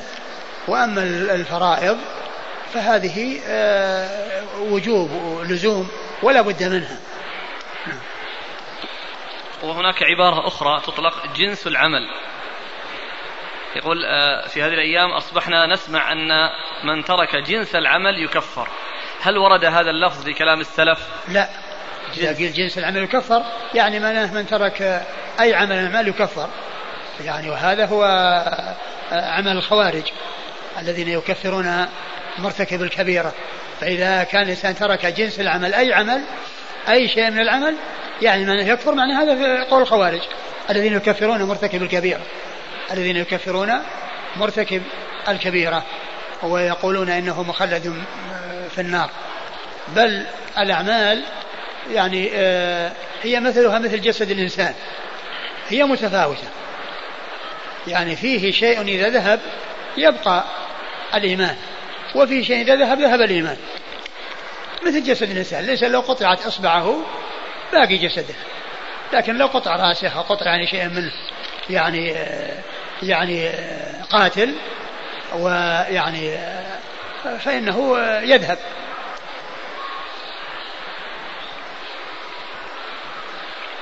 قال حدثنا أحمد بن حنبل قال حدثنا وكيع قال حدثنا سفيان عن أبي الزبير عن جابر رضي الله عنه أنه قال قال رسول الله صلى الله عليه وعلى آله وسلم بين العبد وبين الكفر ترك الصلاة. ثم ورد أبو داود حديث جابر بن عبد الله رضي الله تعالى عنهما أن النبي قال بين العبد وبين الكفر ترك الصلاة. وهذا يدلنا على عظم شأن الصلاة وأن تركها كفر والمقصود بالترك الترك آه، تهاونا وكسلا وليس جحودا لأن الجحود ما هو أدنى منها وما هو أقل منها إذا جحد فإنه يكفر به باتفاق المسلمين وبإجماع العلماء لا خلاف في ذلك وإنما الكلام الترك الذي هو آه، كسل وليس جحودا وتركا يعني آه، جحدا وإنما هو كسلا و فهذا يدلنا على عظم شأن الصلاة وأن تركها كفر وهو مما يستدل به آه، من قال بالكفر تارك الصلاة. وأوضح ما يستدل به على كفره أيضا الحديث الذي جاء في الأمراء وقتال الأمراء والخروج عليهم فإن النبي صلى الله عليه وسلم قال إلا أن تروا كفرا بواحا عندكم فيه من الله برهان وجاء في بعض الروايات لا ما صلوا فدل على أنهم إذا لم يكونوا آه، صلوا فإنه يكون حصل الكفر الذي عند الناس فيه من الله برهان. هذا الحديث كما هو معلوم من من الأحاديث التي استدل بها بعض أهل العلم على كفر تارك الصلاة تهاونا وكسلا وهو أيضا دال على ما ذكره المصنف أو أورده المصنف في هذا الباب من جهة أن الصلاة هي من جملة الأعمال وهي داخلة يعني في مسمى الإيمان لأن تركها يكون كفرا الذي هو مقابل للإيمان. نعم. قال حدثنا أحمد بن حنبل. أحمد بن حنبل مر ذكره عن وكيع. عن وكيع بن الجراح الرؤاسي الكوفي ثقة أخرجه أصحاب كتب الستة. عن سفيان. عن سفيان وهو وهو الثوري سفيان بن سعيد المسروق الثوري ثقة فقيه أخرج له أصحاب كتب الستة. عن أبي الزبير. عن أبي الزبير محمد بن تدرس محمد بن مسلم بن تدرس المكي صدوق. أخرجه أصحاب كتب الستة. عن جابر. جابر بن عبد الله الأنصاري رضي الله تعالى عنهما الصحابي الجليل وأحد السبعة المعروفين بكثرة الحديث عن النبي صلى الله عليه وسلم. باب الدليل على زيادة الإيمان والله تعالى أعلم وصلى الله وسلم وبارك على عبده ورسوله نبينا محمد وعلى آله وأصحابه أجمعين. جزاكم الله خيرا وبارك الله فيكم ونفعنا الله ما قلتم. يسأل يقول عن لبس الخف في القدم حال الإحرام. لأن القدم تتعبه أو يعني يتألم منها. إذا كان إذا كان الخف يعني يظهر منه القدمان الكعبان وأنه لا يغطي الكعبين وإنما هو دونهما فلا بأس. هو هذا سؤال. هو هذا العم الآن يسأل. هو نفسه؟ إي إيه. على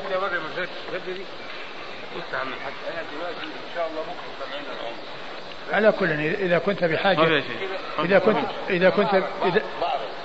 يعني رجلي دي وبعرف. لو من رجلي دي فانا دلوقتي لما بلبس ده يبقى باين برضه اجلس اجلس اجلس. ما في شيء ما في شيء. الشيخ يقول لك لا حرج فيه. اجلس. هو يبي يلبس جزمة يا شيخ جزمة دون الكعبين. إذا كان دون الكعبين ما في بس ما في بأس. فهمت حج ما في بأس ما في بأس. حلال جائز.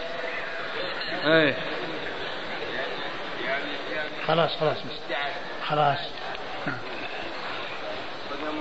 أحسن الله إليك. هذه فائدة أخرى مثل فائدة أمس. أقوال كبار أئمة السلف وموقفهم من الإرجاء. نقرأ ولا نعم. يقول الأخ جامعا لأقوال كبار أئمة السلف وموقفهم من الإرجاء. قال سفيان الثوري رحمه الله خالفنا المرجئة في ثلاث. نحن نقول الإيمان قول وعمل وهم يقولون قول بلا عمل. ونحن نقول يزيد وينقص وهم يقولون لا يزيد ولا ينقص. ونحن نقول أهل السنة عندنا مؤمنون أما عند الله فالله أعلم. وهم يقولون نحن عند الله مؤمنون. يعني مؤمنون كامل الإيمان عندهم. عندهم كل إنسان مسلم مؤمن كامل الإيمان. هذا أخرجه البيهقي في كتاب الاعتقاد إلى سبيل الرشاد. وقال شيخ الإسلام ابن تيمية رحمه الله وقالت المرجئة على اختلاف فرقهم لا تذهب الكبائر وتترك الواجبات الظاهرة شيئا من الإيمان. إذ لو ذهب شيء منه لم يبق منه شيء فيكون شيئا واحدا يستوي فيه البر والفاجر. ونصوص رسول الله صلى الله عليه وسلم وأصحابه تدل على ذهاب بعضه وبقاء بعضه كقوله يخ- يخرج من النار من كان في قلبه مثقال ذرة من إيمان. صحيح. هذا هو- الواقع. الناس متفاوتون في الإيمان. يعني فيهم من هو كامل الإيمان ومنهم من ناقص الإيمان وكلهم يعني مؤمنون ما خرجوا من الإيمان. ولكن لا يقال أن أن أتقى الناس وأفجر الناس على حد سواء. وسئل الإمام أحمد رحمه الله عمن قال الإيمان يزيد وينقص، قال هذا بريء من الإرجاء. نعم. وقال الإمام البربهاري ومن قال الإيمان قول وعمل يزيد وينقص فقد خرج من الإرجاء كله. أوله وآخره. وقال الإمام أحمد رحمه الله الإيمان قول وعمل يزيد وينقص إذا زنى وشرب, وشرب الخمر نقص إيمانه. وقال الإمام أحمد قيل لابن المبارك ترى الإرجاء؟ قال أنا أقول الإيمان قول وعمل وكيف أكون مرجئا؟ وقال أبو عثمان الصابوني رحمه الله ومن مذهب أهل الحديث أن الإيمان قول وعمل ومعرفة يزيد بالطاعة وينقص بالمعصية. وأخرج الآجري من طريق أحمد بن حنبل عن عمير بن حبيب قال الإيمان يزيد وينقص فقيل وما زيادته وما نقصانه؟ قال إذا ذكرنا الله فحمدناه وسبحناه فتلك زيادته وإذا غفلنا وضيعنا ونسينا فذلك نقصانه. وقال الزهري رحمه الله ما ابتدعت في الإسلام بدعة أضر على الملة من هذه يعني أهل الإرجاء. يعني المقصود من ذلك يعني التسيب. والانفلات يعني من الأحكام الشرعية لأن لأن المرجئة اللي يقول لا يضر مع الإيمان ذنب يعني معناه الإنسان يفعل المعاصي كيف يشاء ومع ذلك يكون مؤمن كامل الإيمان يعني فيها فيها التسيب وفيها الانفلات و يعني عدم الاهتمام بالتكاليف لأن التكاليف تركها لا يؤثر. والمعاصي تركها لا يؤثر. يعني فعلها لا يؤثر. يعني فهذا يعني يدل على يعني على خطورته من ناحية ال- الانفلات من من الأحكام الشرعية. نعم. وقال الحميدي سمعت وكيعا يقول أهل السنة والجماعة يقولون الإيمان قول وعمل والمرجئة يقولون الإيمان قول والجهمية يقولون الإيمان المعرفة. نعم اللي هو التصديق. والبخاري رحمه الله ذكر أنه آه، يعني آه، لقي أكثر من ألف شيخ كلهم يقول الإيمان قول وعمل يزيد وينقص. نعم. وقال الأوزاعي رحمه الله ثلاث هن بدعة. أنا مؤمن مستكمل الإيمان وأنا مؤمن حقا وأنا مؤمن عند الله. نعم لأن هذه هذه أقوال المرجع لأنه مؤمن كامل مستكمل الإيمان عندهم أنه لا فرق بين كل الناس مؤمنون كامل الإيمان. مؤمن حقا هو بمعناه يعني عنده حقيقة الإيمان. وكذلك مؤمن عند الله يعني كذلك كلها بمعنى واحد. وقال سعيد بن جبير رحمه الله مثل المرجئة مثل الصابئين. وممن روي على وممن روي عنه أن الإيمان قول وعمل الحسن وسعيد بن جبير وعمر بن عبد العزيز وعطاء وطاووس ومجاهد والشعبي والنخعي والزهري ومالك والشافعي وإسحاق وأبي عبيد وأبي ثور وغيرهم. لا يحصل. الإمام البخاري يقول أكثر من شيخ لقيهم أكثر, أكثر من ألف شيخ. أكثر من ألف شيخ. كلهم يقول الإمام قول وعمل يزيد وينقص. وقال محمد بن جرير الطبري والصواب لدينا من القول أن الإيمان قول وعمل يزيد وينقص وبه الخبر عن جماعة من أصحاب رسول الله صلى الله عليه وسلم وعليه مضى أهل الدين والفضل. فأول من تك يقول ثم أول من تكلم في الإرجاء هو زرقان ابن غيلان. قال إن الإيمان هو الإقرار باللسان وهو التصديق. نقله من شرح أصول اعتقاد أهل السنة والجماعة اللالكائي. هذه.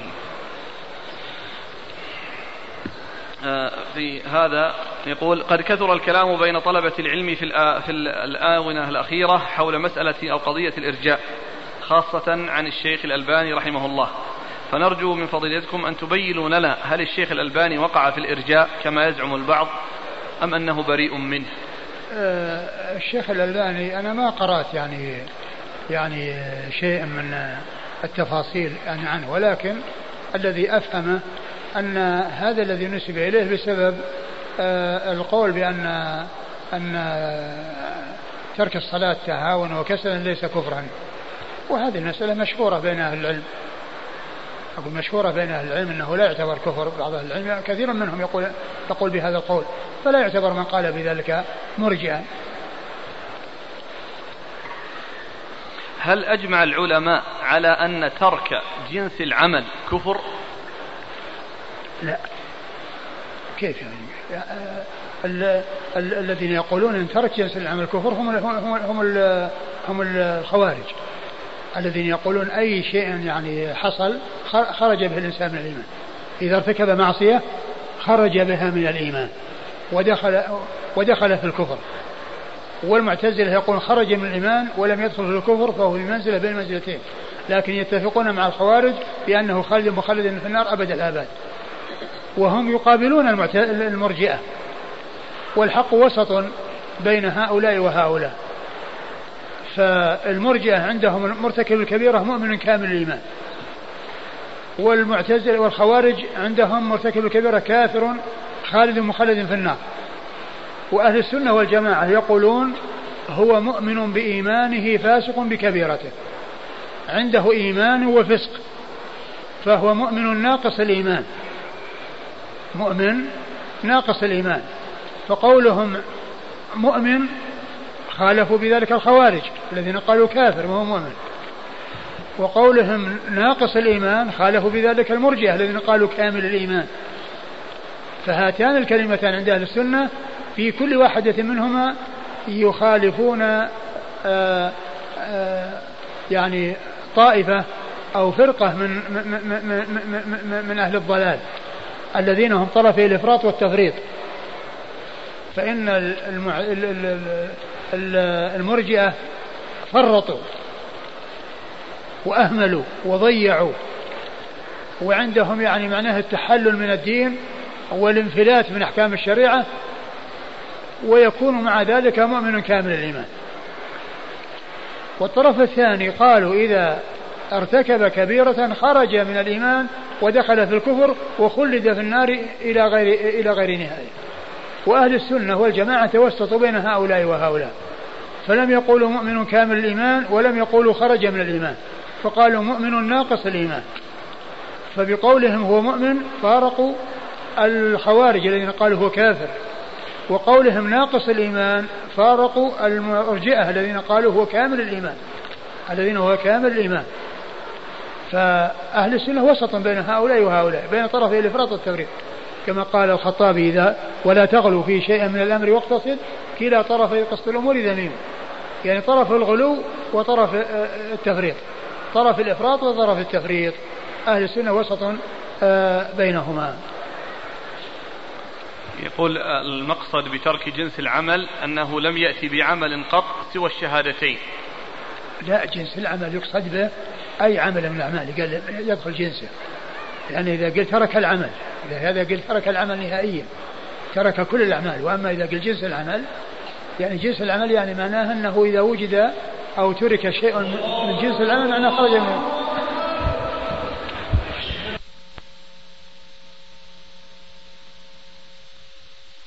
بسم الله الرحمن الرحيم. الحمد لله رب العالمين والصلاة والسلام على عبد الله ورسوله نبينا محمد وعلى آله وصحبه أجمعين. أما بعد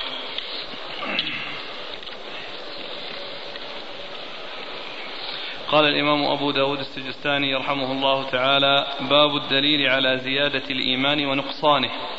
قال حدثنا أحمد بن عمرو بن السرح قال حدثنا ابن وهب عن بكر بن مضر عن ابن الهاد عن عبد الله بن دينار عن عبد الله بن عمر رضي الله عنهما أن رسول الله صلى الله عليه وعلى آله وسلم قال ما رأيت من ناقصات عقل ولا دين أغلب لذي لب منكن قالت وما نقصان العقل والدين قال أما نقصان العقل فشهادة امرأتين شهادة رجل وأما نقصان الدين فإن إحداكن تفطر رمضان وتقيم أياما لا تصلي بسم الله الرحمن الرحيم. الحمد لله رب العالمين وصلى الله وسلم وبارك على عبده ورسوله نبينا محمد وعلى آله وأصحابه أجمعين أما بعد. فيقول الإمام أبو داود السجستاني رحمه الله تعالى باب في باب الدليل على زيادة الإيمان ونقصانه. تقدم في الدرس الماضي آه، باب في رد الإرجاء وأن آه، أهل السنة والجماعة آه، يقولون بالإيمان بأن الإيمان قول واعتقاد وعمل ويزيد بالطاعة وينقص بالمعصية. وأن أهل السنة وسط بين المرجئة وبين المعتزلة والخوارج فيما يتعلق بأسماء الإيمان وفيما يتعلق بالحكم بالآخرة فهم وسط بينهم في هذا وفي هذا. ففيما يتعلق بإطلاق اسم الإيمان وعدم إطلاقه وسط بين المرجئة الذين قالوا أن أن أن الناس أن كل أن كل المسلمين مؤمنون كامل الإيمان وأنه لا يضر مع الإيمان ذنب كما لا ينفع مع الكفر طاعة. وهذا جانب التفريط والإهمال والضياع والانفلات والتفلت من الأحكام الشرعية. ويقابل هذا التفريط إفراط وهو أن من ارتكب كبيرة يكون كافرا خالدا مخلدا في النار لا يخرج منها أبد الآباد. فسلبوا منه الإيمان ولم يبقى عند ولم يبقى عندهم مسلما بل هو كافر وخالد مخلد في النار. وهما طرفان متقابلان تفريط وإفراط. تفريط المرجئة وإفراط الخوارج والمعتزلة. وأهل السنة والجماعة وسط بين هؤلاء وهؤلاء. فعندهم أن مرتكب الكبيرة ليس مؤمنا كامل الإيمان وليس خارجا من الإيمان وداخلا بالكفر وإنما هو مؤمن ناقص الإيمان. فقول أهل السنة هو مؤمن فارقوا بذلك الخوارج والمعتزلة الذين قالوا ليس بمؤمن وقالوا خرج من الإيمان.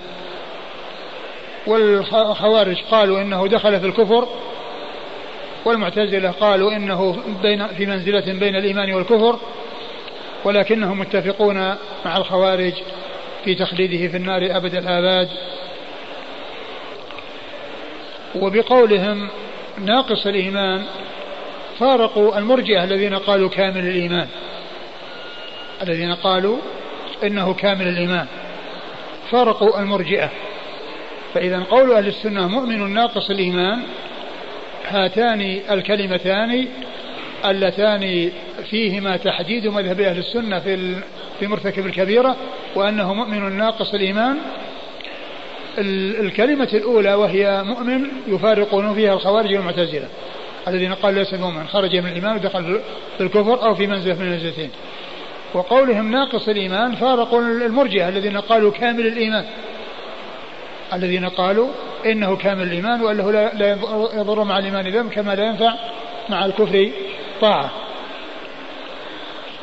فلم فلم يسلبوه مطلق الإيمان الذي هو أصله ولم يعطوه الإيمان المطلق الذي هو الكامل. فلم يسلبوه مطلق الإيمان الذي هو أصله وأنه يكون كافرا كما فعلت الخوارج المعتزلة حيث سلبوه الإيمان ولم يعطوه الإيمان المطلق كما أعطته المرجئة الذين قالوا إنه كامل الإيمان. وإنما قالوا مؤمن ناقص الإيمان. مؤمن بإيمانه فاسق بكبيرته. مؤمن بإيمانه فاسق بكبيرته. يحب على ما عنده من الإيمان ويبغض على ما عنده من الفسق والعصيان. فيكون محبوبا باعتبار ومبغوضا باعتبار. محبوبا بما عنده من الإيمان ومبغوضا على ما عنده من الفسوق والعصيان. ويجتمع في الشخص محبة وبغض المحبة باعتبار والبغض باعتبار. كما يقول الشاعر الشيب كره وكره أن أفارقه فأعجب لشيء على البغضاء محبوبي. فالشيب إذا نظر إلى ما تقدم هو الشباب ليس مرغوبا فيه. وليس محبوبا. ولكن إذا نظر إلى ما أراه وهو الموت صار مرغوبا فيه ومحبوبا. إذا نظر إلى ما وراءه وهو الموت صار مرغوبا فيه ومحبوبا. ولهذا يقول الشاعر الشيب كره وكره أن يفارقه يعني بالموت يعني يكره الموت. فاعجب لشيء على البغضاء محبوبي. فاعجب لشيء على البغضاء محبوبي. فأهل السنة والجماعة وسط بين الطرفين المتقابلين في الحكم أو في أحكام في أسماء الإيمان. وهم وسط بينهم في الآخرة. وهم وسط بينهم في أحكام الآخرة وما يتعلق بالآخرة. فإن الخوارج والمعتزلة قالوا عن مرتكب الكبيرة إنه خالد مخلد في النار. قالوا في الدنيا أنه خرج من الإيمان وقالوا في الآخرة أنه خالد مخلد في النار. اللي هو مرتكب الكبيرة. وال وال والمرجئة قالوا أنه في الجنة. لأن لا يضر مع الإيمان ذنب كما لا ينفع مع كفر طاعة. فهم عند الله يعني آه، آه، سعداء. وكلهم من أهل الجنة. لأنه لا يضر مع الإيمان ذنب كما لا ينفع مع الكفر طاعة. وأهل السنة والجماعة قالوا إن مرتكب الكبيرة. إذا مات من غير توبة فإن أمره إلى الله عز وجل. إن شاء عفى عنه وتجاوز ولم فلم يدخله الجنة يدخله النار وأدخله الجنة من أول وهلة وإن شاء عذبه في النار ولكنه لا يخلده فيها بل يبقى فيها المدة التي شاء الله عز وجل أن يبقى فيها وأن يكون آه، فيها ثم يخرجه ويدخله الجنة. ثم يخرجه ويدخل الجنة. فما قالوا إن أنه من أهل الجنة رأسا وأن كل مسلم من أهل الجنة كما تقوله المرجئة. وما قالوا أن, أن, أن, أن المرتكب الكبير أنه مخلد في النار كما تقوله الخوارج المعتزلة وإنما قالوا أمره إلى الله عز وجل. إن شاء عفى عنه وتجاوز دخل الجنة ولا يدخل النار. وإن شاء ألا يعفو عنه وإنما شاء أن يعاقبه فإنه يدخل النار ويعذب فيها ثم يخرج منها ولكن لا يخلد فيها. ولكن لا يخلد فيها بل يخرج منها ب يعني بشفاعة الشافعين ويخرج منها بعفو الله عز وجل وفضله وإحسانه وتجاوزه. إذا شاء أن يدخله النار فإنه يخرج منها بهذه الأمور. وإن شاء أن يعفو عنه دخل الجنة من أول وهلة. وهم وسط بين هؤلاء وهؤلاء. المعتزلة والخوارج غلبوا جانب الوعيد وأهملوا جانب الوعد. والمرجئة غلبوا جانب الوعد وأهملوا جانب الوعيد. وأهل السنة والجماعة أخذوا بالوعد والوعيد. أخذوا بهما جميعا. ولهذا يأتي في القرآن كثيرا الجمع بين الوعد والوعيد للترغيب والترهيب. فعندما يذكر آه، الترغيب يأتي بعده الترهيب نبئ عبادي أني أنا الغفور الرحيم وأن عذابي هو العذاب الأليم. ترغيب وترهيب. فإن تولوا فقل ربكم ذو رحمة واسعة. هذا ترغيب. ولا يرد بأسه عن القوم المجرمين ترهيب. أن الأبرار لفي نعيم وإن الفجار لفي جحيم. ترغيب وترهيب. فأهل السنة والجماعة يأخذون بهذا وبهذا. ويقول بعض العلماء إن المسلم يسير إلى الله عز وجل بالخوف والرجاء فيكون خائفا راجيا. ويقول إن الخوف والرجاء كالجناحين للطائر فإذا كان الجناحان سليمين فإن الطيران يتم من الطائر بسهولة. وإذا اختل أحد الجناحين اختل الطيران. إذا اختل أحد الجناحين اختل الطيران. ف أهل السنة يجمعون بين الترغيب والترغيب والترهيب والخوف والرجاء. ما يكون عندهم إما هذا وإما هذا وإنما عندهم الجمع بينهما. هذه طريقة أهل السنة والجماعة. وعلى هذا فأهل السنة والجماعة وسط في أمور الدنيا وفيما يتعلق بالأحكام أحكام الإيمان والكفر بين المرجئة والمعتزلة والخوارج وهم أيضا وسط بينهم في أحكام الآخرة لأن المرجئة يقولون أنه في الجنة آه، باستمرار رأسا وأنه لا يعذب وأولئك يقولون إنه في النار خالد مخلد فيها وهؤلاء وسط بين هؤلاء وهؤلاء.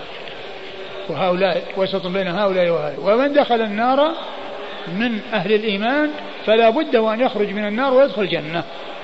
ولا يبقى في النار إلا الكفار الذين هم أهلها والذين لا سبيل لهم إلى الخروج منها.